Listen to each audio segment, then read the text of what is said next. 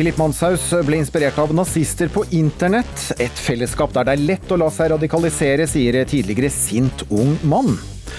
Hoppende og hylende barn på trampoline skaper nabokrangel.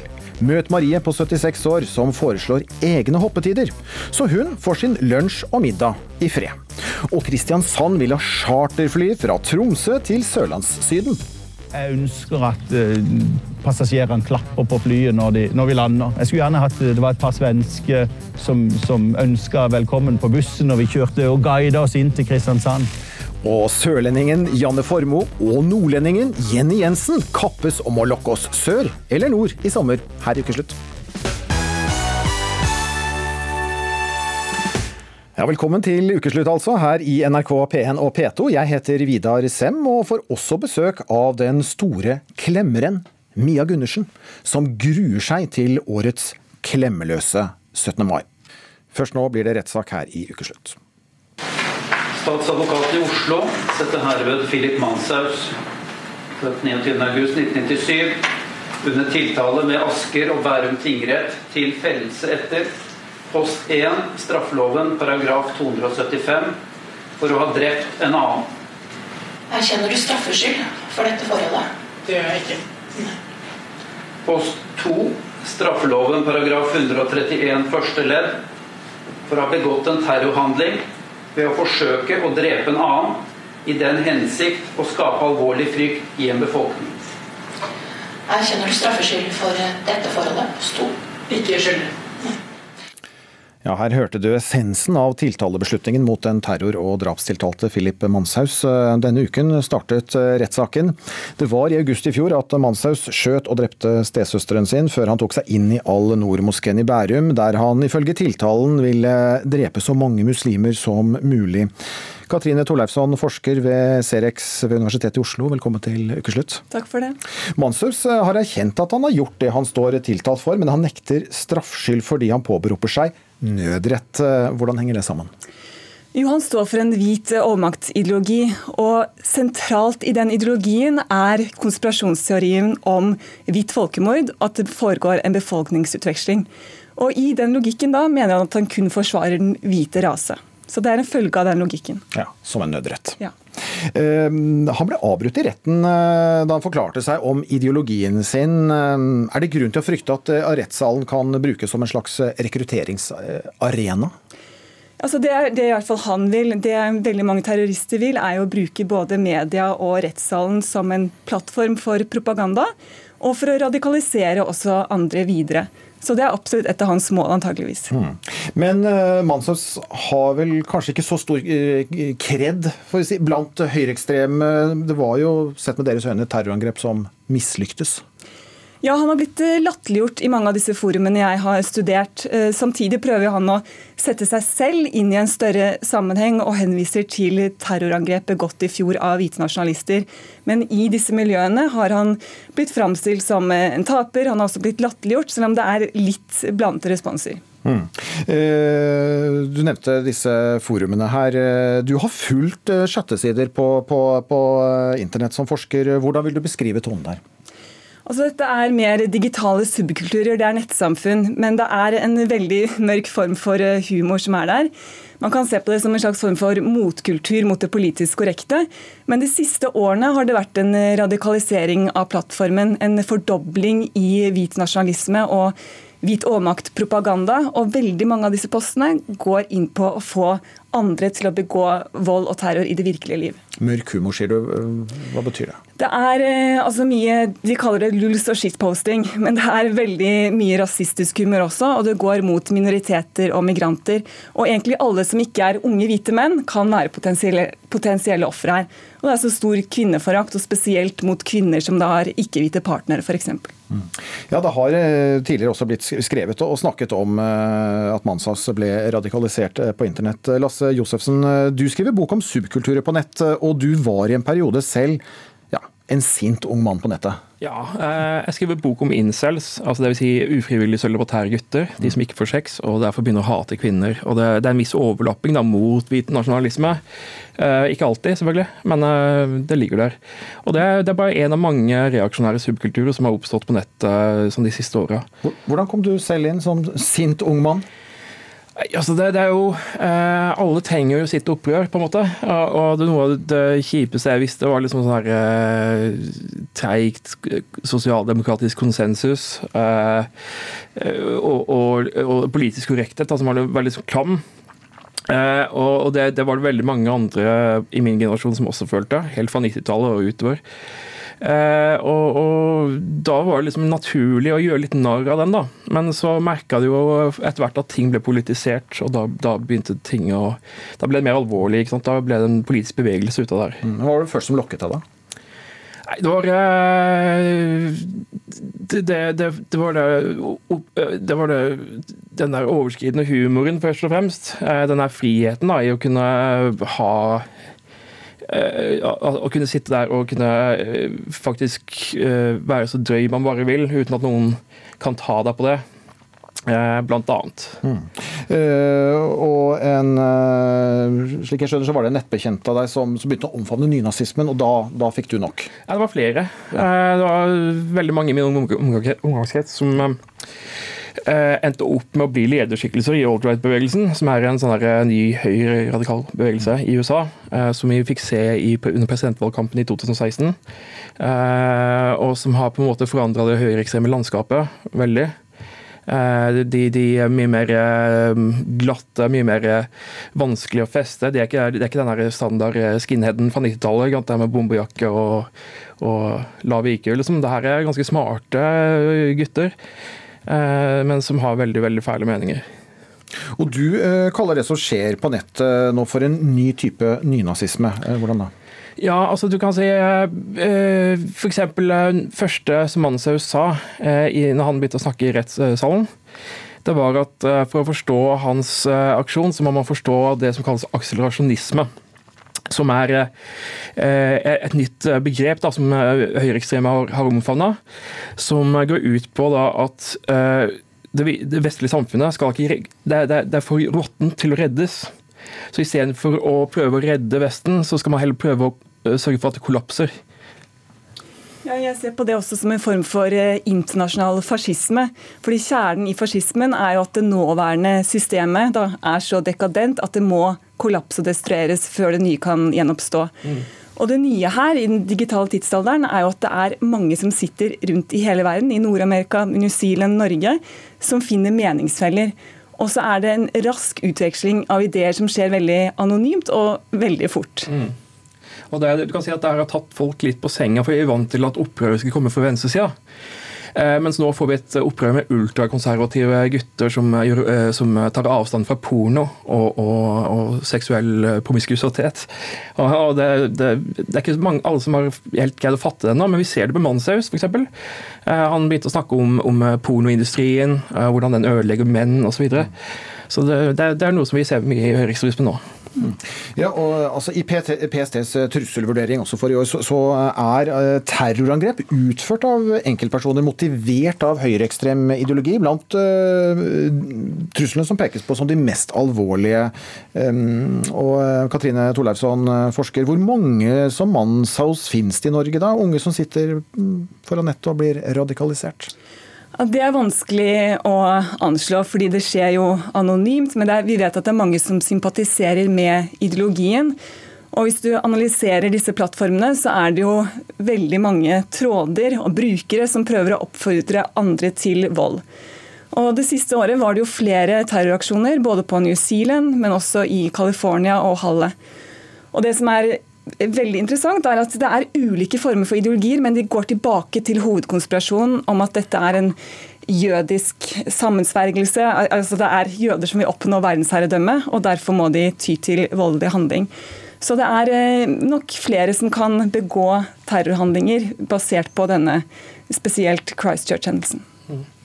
Ja, det, det, er vanskelig å anslå hvor mange det er. for det, altså det, På mange av de forumene så opptrer man anonymt, så man vet ikke liksom, hvem det er og hvor de befinner seg.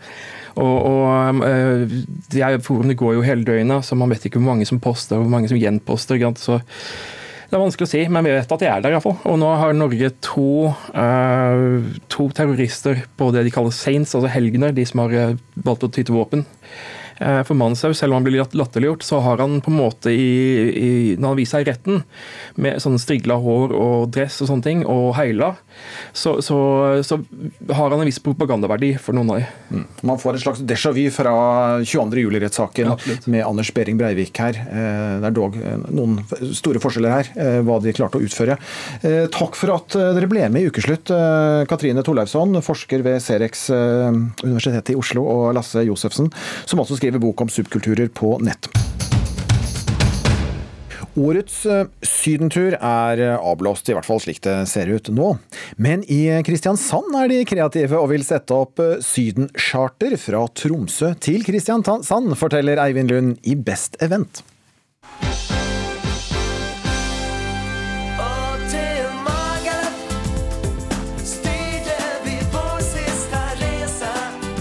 Jeg ønsker at passasjerene klapper på flyet når, de, når vi lander.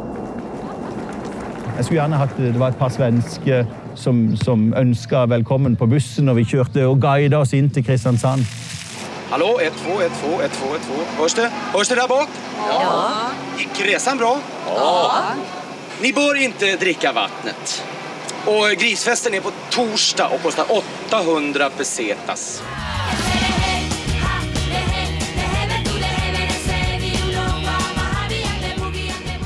Så det er bare å komme. Vi er jo tross alt palmekysten i Norge. Ja, det er jo veldig gøy å komme ned og se på alle palmene våre og oliventrærne som kommer ut i byen. Det blir kjempegøy. Välkomna till våran Slutt å tenke på regn og snø. Sola, bada og ha kul med stundtripp over jul. Ja, og så tar vi med at det var Fedrelandsvennen som først skrev om denne saken. Skuespiller Janne Formoe, mange forbinder deg Hei! Mange forbinder deg med TV-serien Neste sommer, en serie om i hvert fall til dels sommeridyll. Du er på hytta på Sørlandet, og nå får du oppgaven med å lokke oss til din landsdel. Hva er det beste med Sørlandet om sommeren? Ja, altså Hadde det bare vært her nå og sett hva jeg sier. Nå ser jeg ut over havet, og sola steiger fra blå himmel. Og det er liksom begynnelsen av mai, og vi har alt godt i vente. På Sørlandet får du alt. Her er det knatter og skjær og teene i Tanga og reker og Dyreparken. Kaptein Sabeltann er absolutt ikke inhabil. Altså, det, er, det har så mye fint å by på her på Sørlandet. Men, men kan det bli som Syden, da? Eh, Drar vi til Magaluf eller en annen turistdestinasjon rundt Middelhavet om sommeren, så er vi jo nærmest garantert sol og varme. Det kan du vel ikke eh, Kristiansand eh, lokke oss med? Og det er mye deilig vær her. Og så er det jo det gode uttrykket. Det fins ikke dårlig vær, det fins bare dårlige klær. Og jeg som har jobba med neste sommer, alle tror jo at neste sommer, f.eks., eller jeg jobber med neste sommer, det har alltid fint vær. Men trikset er at det er jo ikke helt sannheten. Og da er det bare å ta litt ull under sommerkjolen, så får du fint vær. Jeg er veldig glad i Syden, men faktisk på sommeren, i de få månedene vi har med sommer her i Norge, så er det beste sted på jord er å være på Sørlandet. Jenny Jensen, du er artist og nordlending, eh, og kanskje også vant til litt ull under sommerkjolen eh, oppe i nord. Jeg syns det var et kjempebra tips. Men lar du deg lokke? Ja, altså, jeg elsker Sørlandet, jeg gjør jo det, men jeg elsker jo også Nord-Norge, for i Nord-Norge, ja, der får du jo Altså, der kan du ha sol 24 timer i døgnet, det får du ikke nede på Sørlandet. Så jeg mener, Nord-Norge er jo bare et eldorado. Par, eh, Tromsø som er Nordens Paris. Jordbærene i Nord-Norge. Siden det er så lyst på de her sommernettene, så man kan nesten dø for de jordbærene du får i Nord-Norge. De er så søte, og de er så gode. Det er bare Nei, Nord-Norge er et paradis. Ja, Janne Farmo, midnattssol og søte jordbær fra nord. Ja, du vet hva, det, Jeg syns det høres eh, veldig forlokkende ut, det òg. Men jeg tenker at hvis en drar til Sørlandet i juli og tar charterfly, så tar en charterfly tilbake, og så tar en de siste ukene i Nord-Norge. Så får en det beste av to verdener, tenker jeg. Nå var Det du veldig, veldig, nå var veldig Ja, men jeg diplomatisk. mener det, fordi at, jeg vet du hva? Jeg må ærlig innrømme at for noen år siden så var det første gang jeg var i Lofoten i Svolvær i august. Og det var helt fantastisk, det må jeg bare si. Å eh, kjøre ut på sånne fyr og se på ørnen. Og da var det ganske dårlig vær på den båtturen vi var på, men det var helt magisk, syns jeg. Men akkurat i juli så syns jeg at Sørlandet er liksom knall. knall. Nei, vet du, Der må jeg være litt uenig, for skal du få midnattssola, så må Ja. du ikke reise senere enn midten av juli. For at sånn midnattssola ja? blir jo bort Ja! Så du må reise til Nord-Norge i juli også for å, for å være sikker på at du vil få oppleve litt midnattssol. Men tenk på alt det fine vi har der. Du kan fiske, du kan dra på hvalsafari, Lyngsalpene f.eks. Du tror jo du er kommet nedover til Tyrol når du ser Lyngsalpene. Du har Krigsmuseet i Narvik, du har, eh, du har Polarsirkelen du har, altså, Det er så mye fint å se i Norge. Og jeg som da er nordlending, som er da fra nord i Nordland, fra Bjerkvik, som ligger i Narvik kommune, jeg hadde jo ikke vært egentlig lenger nord før jeg begynte å turnere med musikken min for 30-35 år siden. Og det å oppleve Troms, Nord-Troms og det å oppleve Finnmarka fra kyststripa og helt inn altså på vidda, vet du, det er bare, det bare bløs av skaftet, for det er så vakkert å se. Nå tror jeg du må parere litt her, Janne Ja, fordi at jeg tenker at det du får da når du får med deg soloppgangen, nei, solnedgangen, som faktisk blir seinere og seinere nå framover, for det har vi fulgt med litt på hytta, eh, og så kan du gå i Dyreparken på kvelden, og får vi jo håpe at det kan skje i år også. Men å kanskje gå for litt sånn sabeltannskumring i nattestid og se på en familieforestilling hvor hele familien er med. Alle synger, alle kan sangene og få litt magisk sjørøverstemning før du går hjem på hytta di eller hotellet eller hvor du bor og har leid ei hytte eller hva du gjør. Og så kan du våkne dagen etter og stupe ut i kanskje 19 grader sjø og spise deilig jordbær der òg, og litt reker til lunsj. Du, jeg, jeg må bare si det, altså, altså det der vannet med 19 grader, det, det, det skal du Da skal du ha skikkelig tropesommer i Nord-Norge. Men vi har Polarso som ligger oppe i, i Troms, så du kan få se uh, polardyr der oppe. Altså, det er så mye fint i Nord-Norge også at man må ikke glemme det. Og vi har fantastiske strender. Reis ut til Lofoten, i nærheten av Leknes og ute i Vesterålen. Det er altså sånn fin, fin hvit sand. Greit, vannet er kaldt, men du skal kanskje bare springe uti, avkjøle deg, og så skal du inn igjen. Og hvis du er i Nord-Norge og får oppleve tropenetter, fy flate, det er ingen plasser som er så fin som Nord-Norge når det er tropenetter. Men Norges fineste strand er Kåra, og den heter Sjøsand og ligger i Mandal. For det har jeg akkurat fornyet. Ja, På temperatur så slår, eh, slår Sørlandet dere i nord igjen, Jensen. Men det er én ting eh, vi forbinder jo med Syden, da, og, og charterturer. Det er jo kanskje litt mer sånne fester. Noen kaller det grisefester. eh, Litt sånn sydenfester. Og paraplydrinker også. Men vet du hva? Det er ja, bare å til opp oppi en paraply. Det. De kan du til og med kjøpe sånne små paraplyer på Meny. Så det er bare å hallo. oppi og få seg en drink. Hallo, Tromsø er jo Nordens Paris. Så skal du ha skikkelig sånn stemning sånn, eh, med masse deilige drinker og med kunne sitte ute i de lyse sommernettene, ja, da må du jo selvfølgelig stikke innom Tromsø og oppleve det. Men, ja, men da må du ha med en eh, liten sovepose. en eh, sovepose. men, i men, i, men på Sørlandet finnes det også mange mange deilige små sørlandshus som har noen puber og noen barer. og De har Ja. noen gode drinker her på Sørlandet òg. Ja, ja, ja, men det får du i Nord-Norge også. Dra til Senja. Dra, du, du finner det der også. Ja, Jeg syns egentlig vi burde bli enige om at vi gjør litt utveksling. At de som enig. bor i Kristiansand, de kan reise nordover, og så kan de som bor nordpå reise Kristiansand. Så får vi se eh, hele Norge. det høres ut som en god, god plan. Litt Jenny og litt Janne, tenker jeg. Det er en god deal. Ja, ja, ja. ja. Det blir en slags sånn Janne og Jenny-kombinasjon her, men eh, til, til slutt her da, Janne Formo. hvor, eh, hva blir din sommer? Min sommer blir på hytta i Mandal eh, på Sørlandet her jeg er nå, sammen med min kjære familie. Og så drar jeg jo alltid selvfølgelig litt inn til Kristiansand, for der har jeg jo mine foreldre og litt søsken og venner og sånn. Og så, men så det blir teene i tanga og ro her på Men Sørlandet. Janne, kanskje, kanskje vi kunne bytte, for vi skal til Nord-Norge, til Tjeldsundet, til hytta vår der. Så kanskje så vi kunne deilig. bytte litt? At vi kunne Ja, ta det i uka at du kunne låne hytta vår i Nord-Norge, og så får vi låne hytta deres i Det høres ut som en veldig god plan, Jenny. Det sier Ja. vi. For du solgte det inn så bra, så jeg ble litt gira. Og vips, så ble sommeren litt annerledes. Ja, nydelig. Vi får se da, hva det blir, om det blir Janne i nord eh, og Jenny i sør, eller, eller omvendt. Ja. God sommer til dere begge to når den tid kommer. Tusen takk, og i like måte. God sommer. God sommer. Anders Teslo ser på TV-sendinger fra 90-tallet for å hente inspirasjon. Neste helg skal 30-åringen med asperger lede Nordre Follos lokale TV-sending. Der vil kommunens 60 000 innbyggere kunne se og høre taler og skolekorps. Empo TV, som har fått jobben med å lage sendingen, og TV-stasjonen med utviklingshemmede ansatte, er godt i gang med opptak allerede. Og programleder Anders Teslo flikker i disse dager på manuset han skal ha i studio.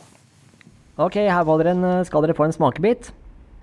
Gratulerer med dagen, og hjertelig velkommen til MPO TVs 17. mai-sending. 30 år gamle Anders Teslo står i kantina til Empo TV med et ark i handa og øver på rollen som programleder. For når vi ikke kan gå i tog på Karl Johan, kan vi kose oss i hagene jeg er inne. Vi er i et nokså grått industriområde utafor Ski, men 30-åringen lover at det skal bli en helt annen stemning på Nordre Follos 17. mai-sending neste helg. Altså, jeg kommer til å ha på meg Jeg kommer til å ha på meg en pendress uh, den dagen. Og så tenker jeg at selv om det blir en annerledes 17. mai-feiring i år, så skal ikke det gå på bekostning av selve feiringa. Jeg oppfordrer eh, dere alle til å pynte hjemmene deres med flagg. Anders er vant til å snakke direkte til TV-seerne. Vil dere ha mer eh, historie? Vel, bli med inn, da. Han har hatt mange sendinger for Empo TV, som er en TV-stasjon for, av og med utviklingshemmede. Dette med ordet psykisk utviklingshemmet skulle jeg fase ut, stemmer ikke det? Jo, eh, likevel å si bare utviklingshemmet. Instruktør Torgeir Kjellås bistår når Anders står litt fast. Ja, bare utviklingshemmet. For det er jo ikke noe galt psykisk, nødvendigvis. Nei, det er ikke noe Nei da, og jeg pleier alltid å, pleier å holde meg til den betegnelsen utviklingshemmet. Ikke psykisk, fordi at da utviklingshemmet kan jo bety at du enten så sitter du i rullestol, eller så kan du eh, At det er et eller annet. Hva vil du si om deg sjøl, da? Altså, selv har jo asperges. Og, men jeg tenker ikke så mye over det. De mest kjente medarbeiderne til Empo TV er nok Mats Solli og Erling Due Bergseth. Se på dette her, da. Å, hva mener du? Vi kan jo ikke leve på junky food hele livet. Da Mats og Erling dekka OL i Sotsji for NRK, overraska de Therese Johaug med frekke spørsmål. Hvordan startet det med deg og kjærligheten, da? Nei, det står ikke så- så bra til, altså. Empo er jo en bedrift som tilbyr tilrettelagt arbeid for, eh, til yrkeshemmede som, som faller eh, utenfor. Og det de gjør med å jobbe i team, det er Sånt Sånn samarbeid, det gir så utrolig mye, og det blir så bra TV av det. Ordfører i Nordre Follo, Hanne Oppdan, har hyra Empo TV til 17. mai. Kanalen skal sørge for at 60 000 innbyggere får med seg korps og taler via Riks-TV og Facebook. Det syns jeg er kjempepositivt. Jeg syns eh, alt man kan finne alternativ feiring på når ting har blitt som det har blitt, det syns jeg bare er helt topp. Flere av dem jeg møter ved Ski storsenter, setter pris på en egen Follo-sending. Jo, det er jo fint, i hvert fall i den tida kanskje som er nå. da. Det er litt alternativ. Nei, det syns jeg hørtes flott ut. Ja, hva er dine planer på 17. mai? Ja, det er jo å gå frem på terrassen og synge 'Ja, vi elsker' når jeg blir bedt om å gjøre det. da. Men Blir det litt TV-titting òg, eller hva Ja, tror det blir mye TV-titting, for vi har tenkt å være hjemme. Hjertelig velkommen til årets 17. mai-sending. Anders her i Empo TVs egen 17. mai-sending fra 2018 vil dermed kunne få mange nye seere neste søndag.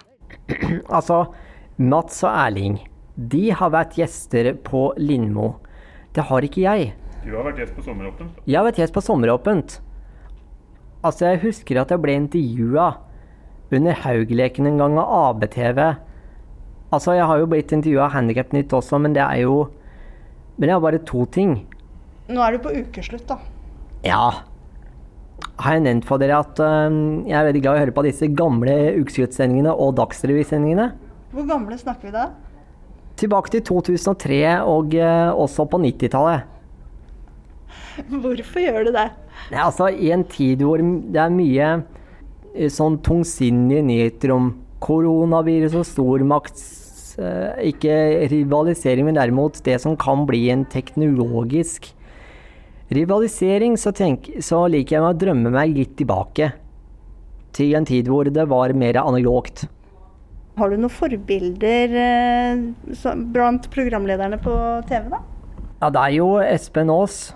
Og så har vi jo eh, da Einar Grunde. Han har jo gått av. Ingolf Håkon Teigene han eh, gikk jo bort i 2007. Men til ved å se på de, så får jeg mm, Da tenker jeg det at eh, jeg kan jo legge meg eh, Eller ikke legge meg hit, men basere meg litt på dem. Hva er det som gjør at du nevner Espen Aas først, da? Hva er det han gjør som du liker så godt? Ja, så Han har jo vært korrespondent i London, og jeg har jo vært der. Og samtidig så har jo han skrevet en bok. om Han besitter jo mye kunnskap som meg. Og så er han jo skikkelig flink også. Og da setter vi et eh, foreløpig punktum for gjenåpningen av Norge, for det har Espen Aas, programleder i Dagsnytt 18 og Dagsrevyen, har følgende melding tilbake til programleder Anders. Hei, Anders. Det er eh, Espen Aas her. Jeg hører du driver og forbereder deg på sending. Jeg har sett litt på det du gjør. Det ser veldig, veldig bra ut. Eh, Vi tåler jo å se enda mer av programledere som er så vant til å være på kamera som eh, det du gjør. Og hvis du er ekstra stilig på 17. mai, så blir du en strålende representant for din egen TV-kanal. Sigrud skolekorps har allerede spilt inn noen marsjer, og Empo TV fortsetter med opptak neste uke. Programleder Anders Teslo veit allerede nå hvordan han vil avrunde 17. mai-sendinga. Jeg tenker å omskrive han Timmy Gresshoppe litt. Grann. Jeg kan samtidig nevne at Pinocchio har em, skal vi se, 80-årsjubileum i år. Og dermed gjenstår det bare én ting å si. Fra alle oss i på TV til alle dere, gratulerer med dagen! Ja, om en drøy uke. Og du kan se Anders Teslo i aksjon på Frikanalen på Riks-TV via Get eller på Facebook-siden til Nordre Follo kommune. Reporter her, det var Kari Li. Og nå til et dypdykk i arkivet. Så bare ta og riv den ned, bare ta og riv den ned, så vi kan få ro og fred. Oslo er ikke vakker, men all verden snakker om at Oslofjorden er så pen. Bare ta og riv det ned, sang Einar Rose med en ironisk tvist fra revyscenen i 1928. Men oppfordringen ble tatt bokstavelig. En god del av hovedstadens arkitektur ble revet. Nå gjentar historien seg med deler av regjeringskvartalet i Oslo. Stillasene har reist seg, og det hamres og bores både inne og utenfor Y-blokka i Oslo. Denne uken ble også hele Picasso-utsmykningen der dekket til med presenning. Kunsthistoriker Tommy Sørbø, det er ikke noe tap at Y-blokka blir borte, mener du. Hvorfor ikke? Eh, Fordi den i seg selv ikke fungerer, og ikke har fungert de 50 årene den har stått der. Den eh, har en kjedelig, litt intetsigende, repeterende fasade som er litt som et eh, hva skal vi si for noe, et millimeterpapir. Samme fasadeløsning som er i selve regjeringsbygget. Den er, eh, og sånn sett understreker den kanskje de verdiene som vi forbinder med 60-70-tallet. Byråkratisering, teknologisering, standardisering. Den har noe anonymt og hvor som helst-aktig over seg, og som i grunn kunne ha rommet hva som helst og plassert hvor som helst. Så verken i seg selv eller når det gjelder selve byplanen, fordi den dekker til andre flotte bygg, og fordi den skal kanskje kunne oppleves i fart fra en bil. Eh, Eller hvis man er stressa eller bare haster fra og til. Men noen taktile kvaliteter, det å gå nær og sanse den, den fungerer heller ikke da i forhold til eh, å ligge i sentrum av en by. Nei, så verken funksjon eller utseende er noe som du lar deg imponere over. Mange mener jo at Y-blokka er vakker. Hva er det de ikke har skjønt da, mener du?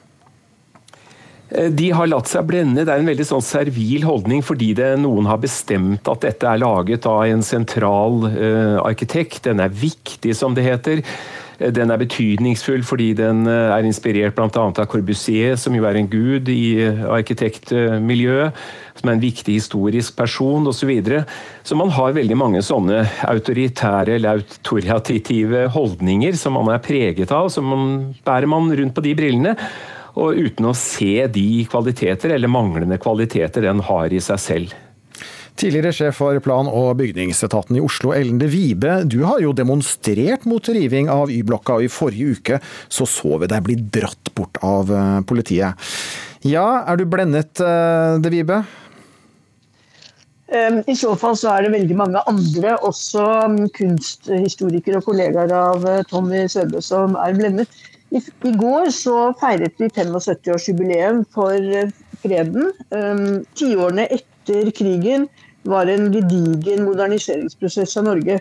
Og Y-blokka er det største symbolanlegget for det Velferds-Norge vi uh, utviklet før oljealderen og oljefond og koronatider. Eh, og den bygningsintegrerte kunsten, både inne og ute, eh, særlig ut mot byrommet, som eh, f.eks. Øystein Ustvedt har kalt for etterkrigstidens Vigelandsanlegg for kunst i det offentlige rom, har kjempestore verdier. Motivet som vender ut mot Akersgata, viser jo noen fiskere. Og det er på en måte symbolet på norskekystens fiskeritradisjoner hvor vi kommer fra, og det skal være en veiviser for oss for hvor vi går videre i historien. Mm. Så dette er så viktig for deg at du til og med lar deg bli arrestert av politiet? Ja. Kan jeg få legge til en setning til? Ja, kan, ja, kan jeg få legge ja, til en setning til? Ja, meg. Viksjø hadde jo også en utrolig tilnærming til selve arkitekturen gjennom dette med naturbetong, hvor han brukte norsk elvegrus, det mest bestandige materialet som finnes. Og med nøye håndverksmessig utførelse så lagde han f.eks. relieffer på bakfasaden. Han gjeninnførte eh, utsmykningen, eller dekorasjonen, eller det som Tommy kaller eh, eh, pynt, på de modernistiske byggene. Um, og det har kjempestor verdi. Ja, men du, Når du nevner eh, arkitekten bak her, Erling Viksjø, så må jeg nesten spørre deg, Tommy Sørbø, for du har jo skrevet eh, tidligere at du har eh, telepatisk kommunikasjon med arkitekten bak Y-blokka. Dere er forent i at den bør rives. Hva, hva mener du med det? Det handler jo, det handler jo om, om, verdighet. Altså jeg bare tenker at Da Y-blokka kom sammen med regjeringsbygget, så var den, som Elde Vibe sier, uttrykk for noe moderne, dynamisk og, og, og liksom framtidskraft. Og det er klart at Når det museale kommer inn og skal bevare det som en gang var utopi, framtid, dynamikk, teknologi og alle disse argumentene, så blir det litt rart. Det blir liksom litt så stusslig noe à la rockemuseet, at man må bevare det som egentlig var framtida. Særlig tatt i betraktning at det ligger 1000 Y-blokker utafor Milano, utenfor Buenos Aires, utafor Moskva, i østblokkland. Og det er jo det rare at ikke norske, verken mine kolleger eller veldig mange arkitekter eller andre som, som, kjemper for dette, ser at det, det, er en uendelighet av dette som jo kalles for brutalisme. Denne, dette, denne steinen så, som, som, som jeg nevner. Ellers er jeg enig i at er, den har kvaliteter også, innvendig ikke minst, når det gjelder utsmykking. Picasso, som jeg er en fan av og alltid har likt, så at det blir tatt vare på er jo kjempeviktig. Og jeg er stygt redd for at det nye som kommer der, ikke blir noe bedre enn det gamle. Så jeg har tvilt meg fram til at det bør rives, rett og slett fordi da får man bedre syn f.eks. for, for Deichmanske, gamle Deichmanske bibliotek og, og, den svenske kirken og Trefoldighetskirken. Tommy Søbe, ja. kort ja nei på dette her. Betyr det at du mener at du har avdøde Erling Viksjø med deg i det at Y-blokka bør rives? Jeg har med meg Y-blokka i at den bør rives. Ja. Kan jeg, kan, jeg å, kan, jeg, få lov å si noe? I Norge så er det veldig bra med uenighetsfellesskapet. Altså at vi skal kunne diskutere forskjellige synspunkter. Det er vi gode på. Men det er noe med at vi må gjøre det litt seriøst, tenker jeg. Og da må vi på en måte se på at dette er et integrert bygg og kunstverk. Det blir omtrent som vi skulle kutte ut solen fra Munchs bilde i universitetsaula og plassere det på det nye jusbygget i Oslo. Eller kutte ut ansiktet i Skrik og si at det blir jo tatt vare på. Det holder ikke. og Jeg er veldig overrasket at Tommy Sørbø som en seriøs kunsthistoriker ikke har større grad av objektivitet i sine drøftinger av dette anlegget. Det har fordeler og det har ulemper, men det har en verdi som jeg er helt sikker på å, at historien kommer til å si var helt feil å rive. Ja, altså, Tommy Søbbe, kort, kort svar på det. Ok. Ja, seriøsiteten her. Ja. Eh, jeg vil ikke sammenligne Picassos eh, 'Fiskere', som er et eh, vel ikke akkurat et av hans hovedverk, med Edvard Munchs hovedverk 'Solen'. Eh, det, det er, eh, Apropos faglig seriøsitet, så er det vel ingen, verken av mine kolleger eller andre, som vil gjøre det. Så å bruke det som et argument hvis vi skal snakke om seriøsitet, det virker nokså dumt. og Det kan fungere utmerket godt, selv om ikke det står på endestykket til et stykke hvor som helst arkitektur som kunne befinne seg hvor som helst i verden. Jeg tror Dere blir ikke enige her, men Ellen Vibe, du ble altså tatt av politiet. altså På bildet som vi har fått med oss, så ser vi deg altså med ansiktsmaske bli dratt opp av to politifolk. Ja, kanskje et bilde som ender opp i historiebøkene fra en tid med Y-blokk-konflikt og korona. Hvordan var det å bli kastet på glattcelle? Nei, det var for så vidt som forventet. Jeg fikk studert glattcellearkitekturen med gule fliser på veggene og knallgul guvert madrass og et vindu høyt opp på veggen med en stor klokke på utsiden av vinduet.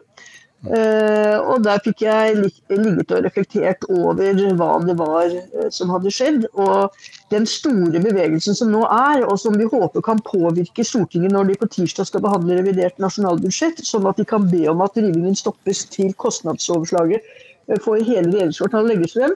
Det var verdt de to timene på glattcelle. Ok, Det må vel et mirakel til for at det skal, skal skje en, en, en, en, stans her. Men Tommy Sørbø, hvilket bygg skulle du altså skulle vært verdt å ende på glattcelle for deg?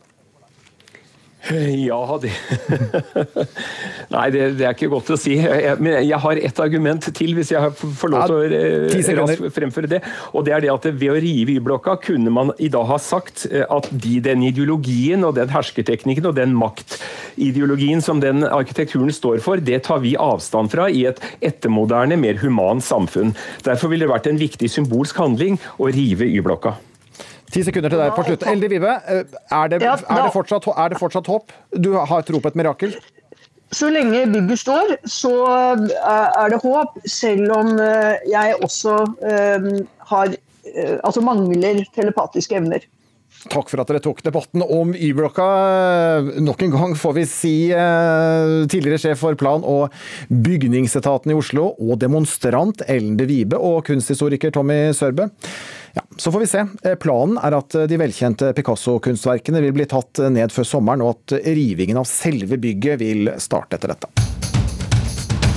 75 år etter at krigen tok slutt, er det fortsatt høyaktuelt å jobbe mot høyreekstreme krefter i Norge og Europa, som vi også hørte tidligere her i Ukeslutt. Et sted hvor holdningsarbeid og toleranse har vært spesielt viktig, er Hokksund i Øvre Eiker, som på 90-tallet ble stemplet som en nazibygd. 22.07.1995 arrangerte nynazister konsert i bygda, og antirasister måtte holdes på avstand av store politistyrker for å unngå voldelige sammenstøt. En hendelse som fikk stor omtale i aviser, radio og TV langt utover landets grenser. Politihunder bjeffer og det smeller fra tåregasspatroner mens rasende demonstranter bl.a. fra Blitz-miljøet i Oslo holdes tilbake. 25 år etter har mange i Hokksund fortsatt sterke minner fra denne julikvelden. Ja, det tror jeg ikke jeg kommer til å glemme, for det husker jeg syntes var veldig skummelt. Jeg var jo den gangen jeg gikk på ungdomsskolen, og det var jo en i klassen min som var nyinnflytta. Han var jo på den konserten på Valo, og vi visste jo alle at han var nynazist, så det gjorde jo inntrykk. Det gjorde det. Hmm. Var skumle greier. Konserten samlet rundt 250 nynazister fra England, Tyskland, Sverige og Norge.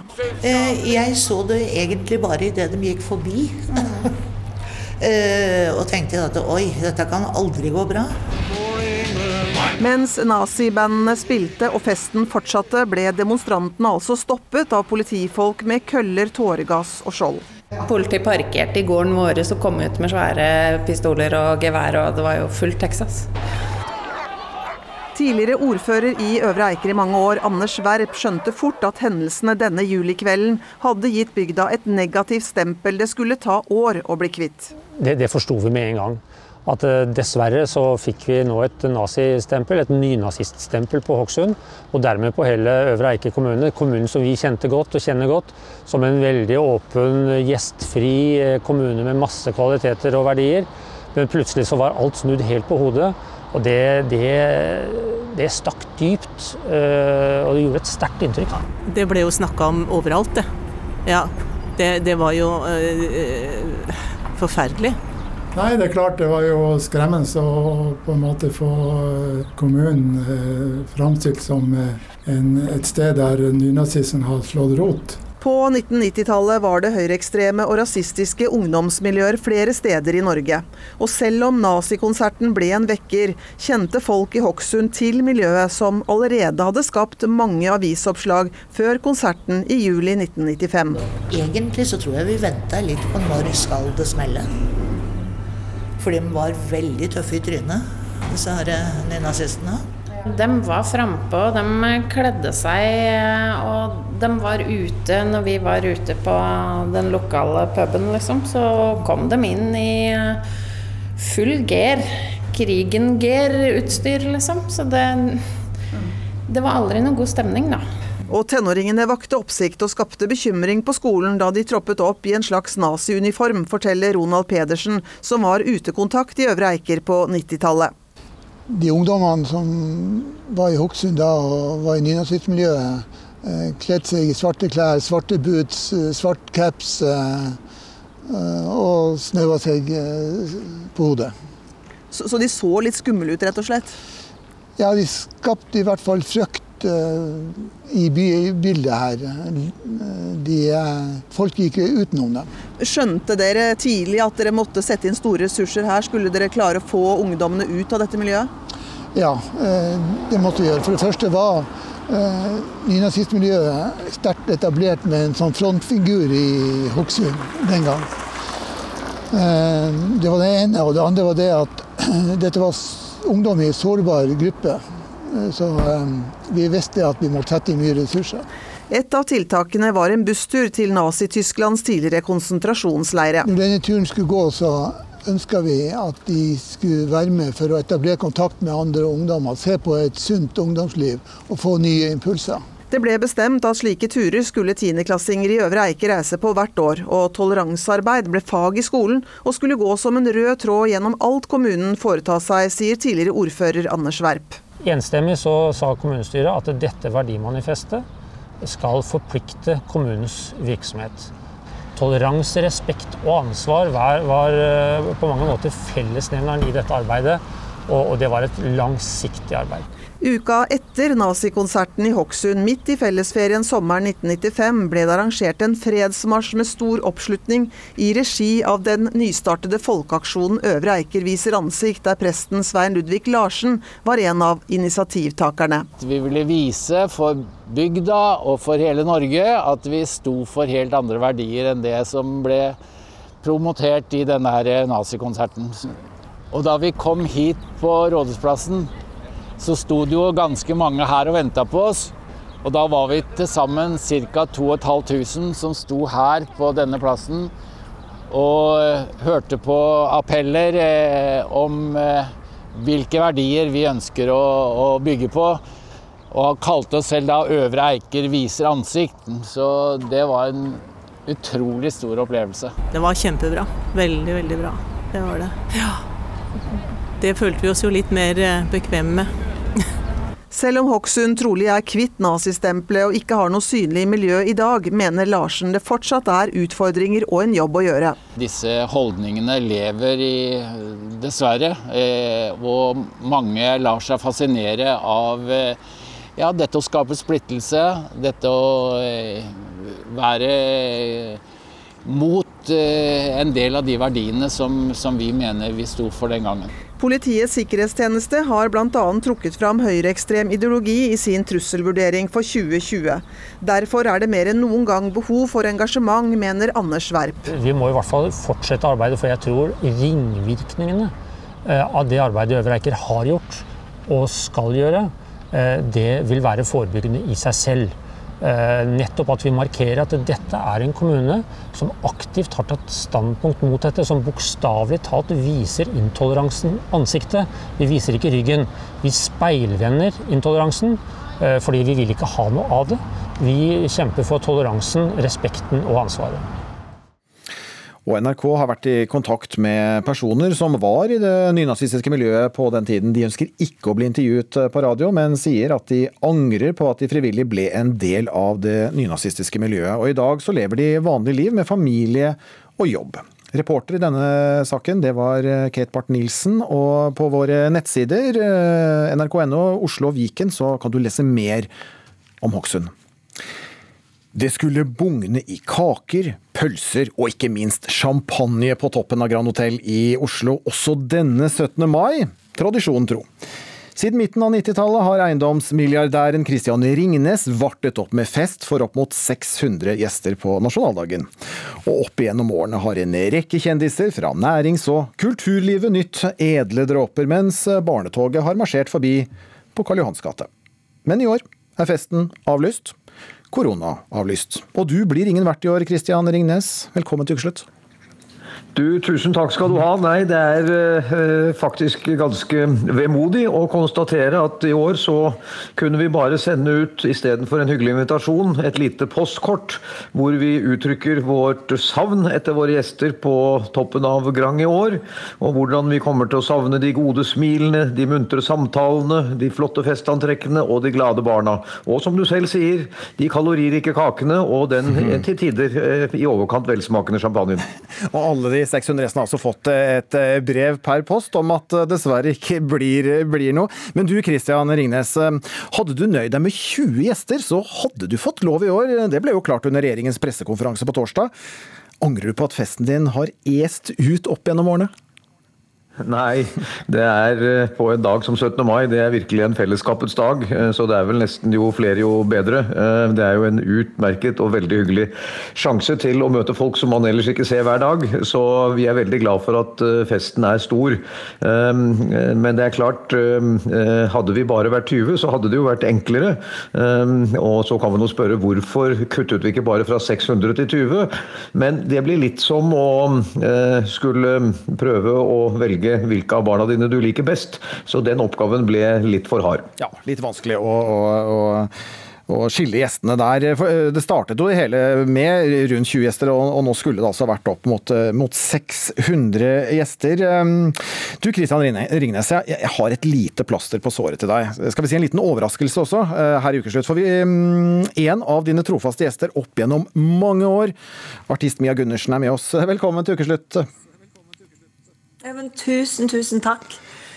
Du, eh, ja, kommer du til å savne champagnen på toppen av Grand Hotell i år? Ja, men det er jo klart jeg gjør det. Det fins jo ingenting bedre enn å komme opp til Kristian og med alle de fantastiske menneskene hvor vi står. Vi står som sild i tønna, men det er så mye smil, og det fins ingen bedre vert enn Kristian. Mm. Og, du store all verden, Mia. Det er, jeg, dette var en overraskelse. Jeg ante ikke at du skulle på dette her. Eh, kan jeg få lov til å gi deg en virtuell klem? Jeg savner det! Ja! Jeg òg savner det helt vilt. Og det er jo det som er så gøy uh, med, med, dine fester. Altså, jeg må jo bare si jeg beundrer deg som klarer å klemme 600 stykk. Det er jammen ikke verst. For der er du en mester. Ja, noen klemmer er bedre enn andre, og jeg må si din står høyt i kurs, Mia. Det. Tusen takk skal du ha, din òg. Dere er to store klemmere, og slik jeg skjønner på deg, Mia Gundersen, så blir det en litt eh, Ja, jeg vet ikke om du gruer deg til 17. mai når du ikke kan klemme? Du vet jo hva, jeg syns det er helt forferdelig, altså. Jeg er jo tross alt singel òg, og det, det, eneste liksom som jeg eh, kan unne meg, det er å klemme på folk. Så eh, jeg, jeg synes det, jeg gleder meg når vi kan begynne å klemme igjen. Jeg. Ja, får du klemt i det hele tatt nå, da? Jeg har hund. Hun får utrolig mange klemmer, altså. og så stjeler jeg meg eh, en klem i ny og ne av min 16-åring. Og Kristian Ringnes, minglingsabstinenser, kjenner du på det? Ja, jeg gjør det. Men nå er nå verden en gang som den er. Mm. Så det hjelper jo ikke å gå og ha abstinenser. Man må um, glede seg over det som er, og det er mye. Mm. tross alt. Eh, de aller fleste er jo friske og raske, og folk er i god stemning, og været er godt. Og det blir sikkert mange hyggelige 17. mai-feiringer, selv om det ikke blir akkurat sånn som vi har vært vant til å gjøre det. Og hva blir årets 17. mai for verten, da, som altså i år holder, ikke holder stor fest på taket av Grand Hotell? Nei, jeg tror jeg må si som jeg leste Raymond i dag morges i et fantastisk intervju, at uh, han følte trang til å dra på hytta. Og, jeg må si jeg føler akkurat det samme. Det blir liksom den største kontrasten som tenkes kan, og blir for meg en slags uh, retur til røttene, for det var det familien gjorde da jeg var ung. Uh, da spiste vi eggedosis på en litt for kald terrasse og satt og var litt for kalde i tykke klær der ute i den litt forblåste skjærgården. Men minnene av dette med denne eggedosisen som min mor serverte, de er helt uovertrufne. Så vi får prøve å gjenopplive det, tror jeg. Det blir årets 17. mai for Christian Ringnes. Tilbake til røttene, altså. Og Mia Gundersen, som skulle vært gjest, du ender opp som vertinne, du? Det, det, gjør jeg. Jeg har invitert noen få venner.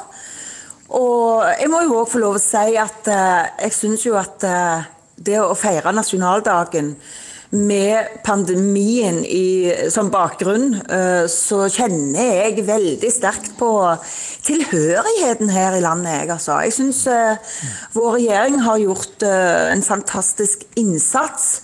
Så jeg tror det blir en, en rørende dag, jeg. Men du kan ikke hamle opp med Ringnes sin champagne på Grand? Eller? Det kan jeg ikke. Men jeg kan hamle opp med god mat og eh, gode, fine smil og gode mm. samtaler. Men altså, hva om årets 17. mai da gir mersmak, Kristian eh, Ringnes? Kan dine gjester risikere at det heller blir hyttekos og eggedosis fremover? Nei, det er det ingen eh, risiko for. Ehm, tilbake til abstinensene. Eh, de er såpass store på å ha normalt eh, hyggelig samvær, hvor man ikke trenger å være fysisk distansert, at det kommer til å gjenoppstå. Jeg har til og med skrevet til dem alle sammen at det heldigvis er 17. mai til neste år også, og at da blir det Ringnes-style-innbydelse, og ikke den elendige koronaøl-avbydelsen som vi nå er oppe i. Ja. Men tenk om den nye vertinnen da finner seg vel til rette i en vertinnerolle på 17. mai, Mia Gundersen. Eh, er du helt sikker på at du takker ja til Ringnes-style neste år? Er du galen? Selvfølgelig gjør jeg det. Det er jo bare så fantastisk og sjenerøst. Og veldig veldig hyggelig. Akkurat som Kristian sier, og, der møter du folk du, du ikke har sett siden forrige 17. mai. Så det at eh, Nei, det takker jeg eh, veldig, veldig fint ja til. Så årets 17. Eh, mai blir som for eh, så mange av oss eh, alternativ. Lykke til da med den for dere begge to, Christian Ringnes og Mia Gundersen. Nå skal vi ut og hoppe på trampoline.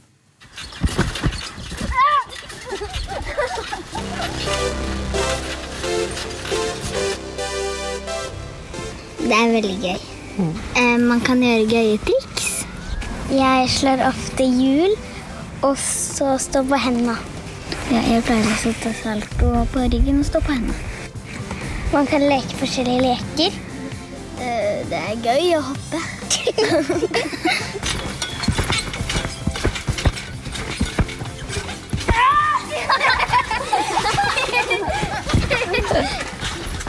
Men dere, da? Bråker dere når dere hopper? Eh, noen ganger. Ja. Noen ganger ikke.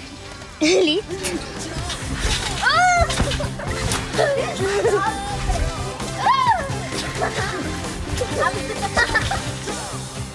Har det hendt at noen har kommet og sagt at dere ikke må bråke så fælt på trampoline? Eh, ja. Hva sier de da? Eh, dere må være stille. Ja, Det kan være litt irriterende. Men burde det vært i regler at man liksom f.eks. bare kan hoppe til klokka ni, eller ikke om søndag morgen, eller hva syns dere om det? Nei. Nei. Er det noen regler dere hadde likt, da? Um, en regel at det ikke er noen regler.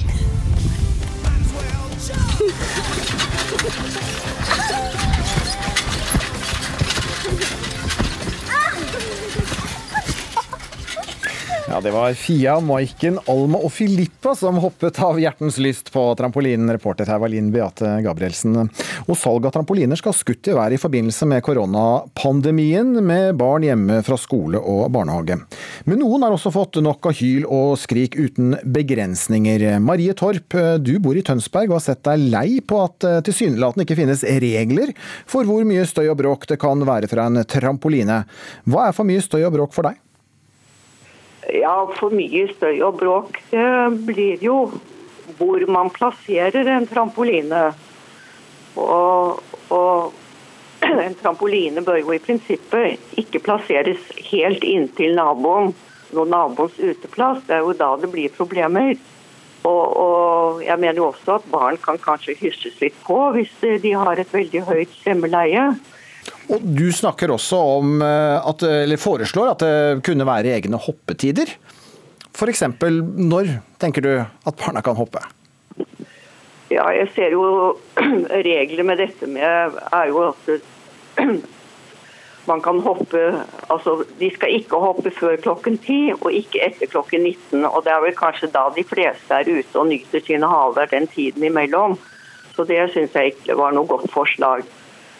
Og, og, det er jo klart Når ungene kommer hjem fra skole og barnehage, så syns jo det er litt stas å være ute i haven og leke litt. og Det, det skjønner jeg veldig godt. Men uh, det er jo mange som har sine kaffetider og kosetider og spiser middag av naboer. Så man kanskje skal følge litt med på hverandre og se at nå er naboene ute, nå har de besøk, så nå får vi være litt stille. Så går det jo også an å hysje litt på barna også innimellom, når de blir for høyrøstete.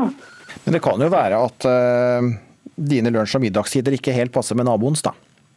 Nei, det er det som er problemet, antagelig. Noen ganger. Hva med propper i ørene?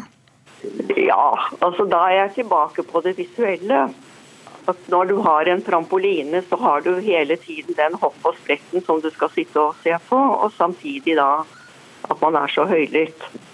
For du har en, du har en, si, en, en nabofeide da med, med, naboen din uh, rundt akkurat dette her med plassering av trampoline, og som er utgangspunkt for at du har valgt å gå ut og, og, og foreslå noen restriksjoner knyttet til bruk av trampoline. Denne saken her har vært eh, dekket eh, både av Tønsberg Blad og TV 2. Hva slags reaksjoner har du fått? Eh, veldig positive reaksjoner. Så, og jeg har også fått en del private henvendelser. Og da fra litt skremte, forsiktige eldre mennesker som er veldig glad for at denne problematikken er kommet opp. Fordi de tør ikke selv å si fra og hadde vært veldig glad for om det hadde vært en regel, kjøreregel for når man skal eh, bruke trampolinen. Og du har nå stått frem. Eh, har du fått negative reaksjoner? Veldig lite. Og det du har fått av, hva slags reaksjoner er det? Nei, det er veldig usaklige reaksjoner, syns jeg. Som hva da? Uh, ja, at jeg misliker barn og ikke vil at barn skal leke. og ja, og noen har jo sagt at jeg må se å komme meg på et gamlehjem og noe sånt noe, men det regner jeg for litt usaklig. Du ønsker altså at uh, Tønsberg kommune vurderer å lage lokale vedtekter. Og jeg spurte gruppeleder fra Arbeiderpartiet og leder i utvalg for plan og bygg, Per Martin Aamodt, om han kunne tenke seg å ta initiativ til å stramme inn på trampolinebruk. Og sånn svarte han. Slik situasjonen er nå, så ser ikke jeg noen grunn til at man skal lage vedtekter som regulerer barns lek, eh, det syns jeg ville være forferdelig trist. For I Tønsberg så har dere også et uh, slagord, dere, som heter Tønsberg kommune, der barn ler. Ja, og det slagordet og den visjonen, den forplikter. Det er viktig at både de som, de som politikere, men også som innbyggere, at vi hensynstar den muligheten til å la barn le. Hvorfor har dere slikt slagord? Nei, den er jo, Det er mer sammensatt, men er viktigheten er jo at eh, når barn ler, så har ofte også familien det godt. Da er man i jobb, da har man aktiviteter, da bor man i et godt boligområde. Så det er klart, Ikke alle har det, men de valgte å bruke der barn ler, pga. at når barn ler, så har stort sett hele familien det veldig bra. Så får jeg håpe at barn ler når de er på trampolinen. Ja, Marie Torp, du bor altså i en kommune som har slagordet 'der barn ler', så det er vel ikke så lett å få strammet inn på trampolinebruken i Tønsberg? Nei, det virker ikke sånn, men eh, jeg har jo overhodet ikke noe imot at barn skal le og kose seg og absolutt må ha det til de grader bra. Men eh, man må jo også ta litt hensyn til at det er andre som bor i Tønsberg òg, da. Ja. Og vi har vært i kontakt med din nabo som ikke ønsker å kommentere saken. Takk for at du ble med i Ukeslutt, eh, Marie Torp. Og vi gir oss ikke helt med nabokrangling, for straks skal vi høre om det er greit å støye på trampolinen på en søndag. Og hva er det som irriterer naboer mest? Generalsekretær i forbrukerorganisasjonen Huseierne, Morten Andreas, Andreas Meyer, eh, velkommen til Ukeslutt. Takk skal du ha. Ja. Du, Hvor mye irritasjon skaper trampoliner i nabolag? Ja, trampoliner er eh, topp ti på klager og henvendelser vi får eh, til vår medlemsrådgivning. Vi har 225 000 medlemmer. Vi får ca. 60 000 henvendelser hvert eneste år en relativt stor andel av de er knyttet til naboforhold. Eh, og der er trampoliner som sagt eh, topp ti-tema. Mm. Og et utgangspunkt for en eh, heftig nabofeide. Ja, Hvis vi ser litt på bredden av naboklager, da. Altså, for det første så er jo den årstiden vi er inne i nå høysesong, når vi kryper ut av redene våre, begynner å bruke hagene våre. Møter naboen langt mer enn det vi har gjort gjennom vinterhalvåret, så dukker det opp. Eh, og på de fysiske innretningene så er det, der er det gjerde, det er trær, det er hekker. Eh, det er det som kan ødelegge for eh, sol på egen terrasse. Og så er det lyd. Det er knyttet til motoriserte redskaper, og det er knyttet til glade barn på trampoline. Og det er knyttet til litt sene kvelder med kanskje et rødvinsglass for mye og noen desibel for mye på musikkanlegget. Mm. Og nå i disse koronatider, eh, som det, det, heter, så har jo mange barn vært hjemme fra skole og barnehage, og har det merket økning rundt det? Ja, det er åpenbart at eh, det at vi er eh, mer sammen, eller ser mer til hverandre gjennom, eh, gjennom hverdagene, uh, det påvirker selvfølgelig også i noen grad konfliktnivået.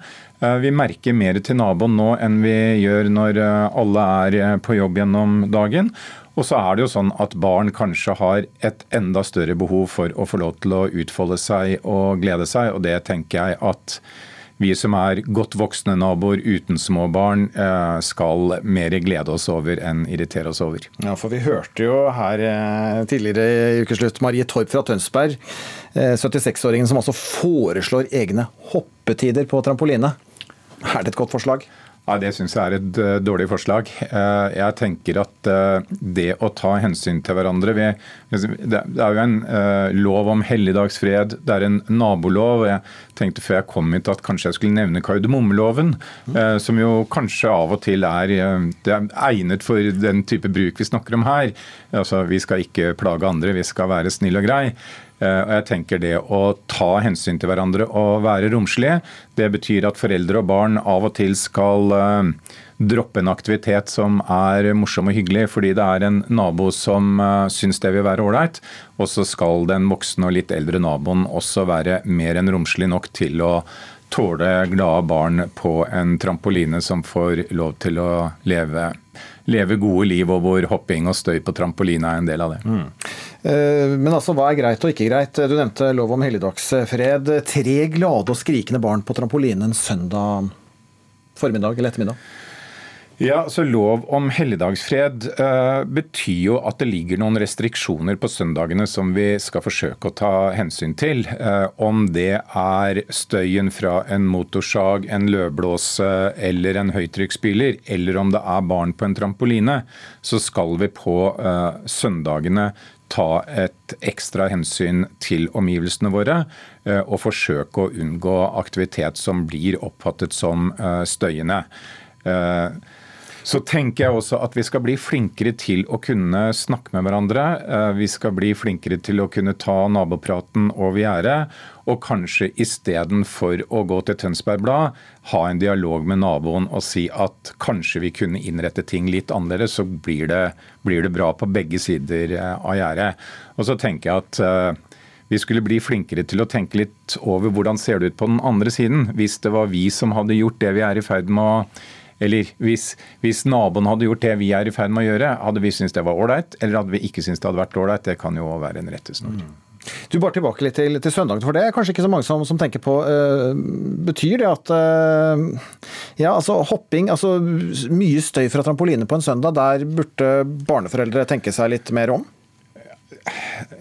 Vil, altså, er det ikke greit å ha en dag hvor vi forsøker å ha noe mer ro? Eh, så syns jeg det er vanskelig å si at barn ikke skal få lov til å hoppe på en trampoline på en søndag. Ja, jeg syns det, det, vil være langt viktigere at vi som voksne lar være å, å fyre opp motorsaga, motorgressklipperen, den støyete løvblåseren eller høytrykksspilleren. Uh, og så vil jeg tenkt som forelder at det kan hende at vi skal være litt mer tilbakeholdne på søndager enn det vi er ellers i uka. Mm. Ja, nabokrangel er altså ikke ukjent. Er vi unødvendig kranglete her i landet?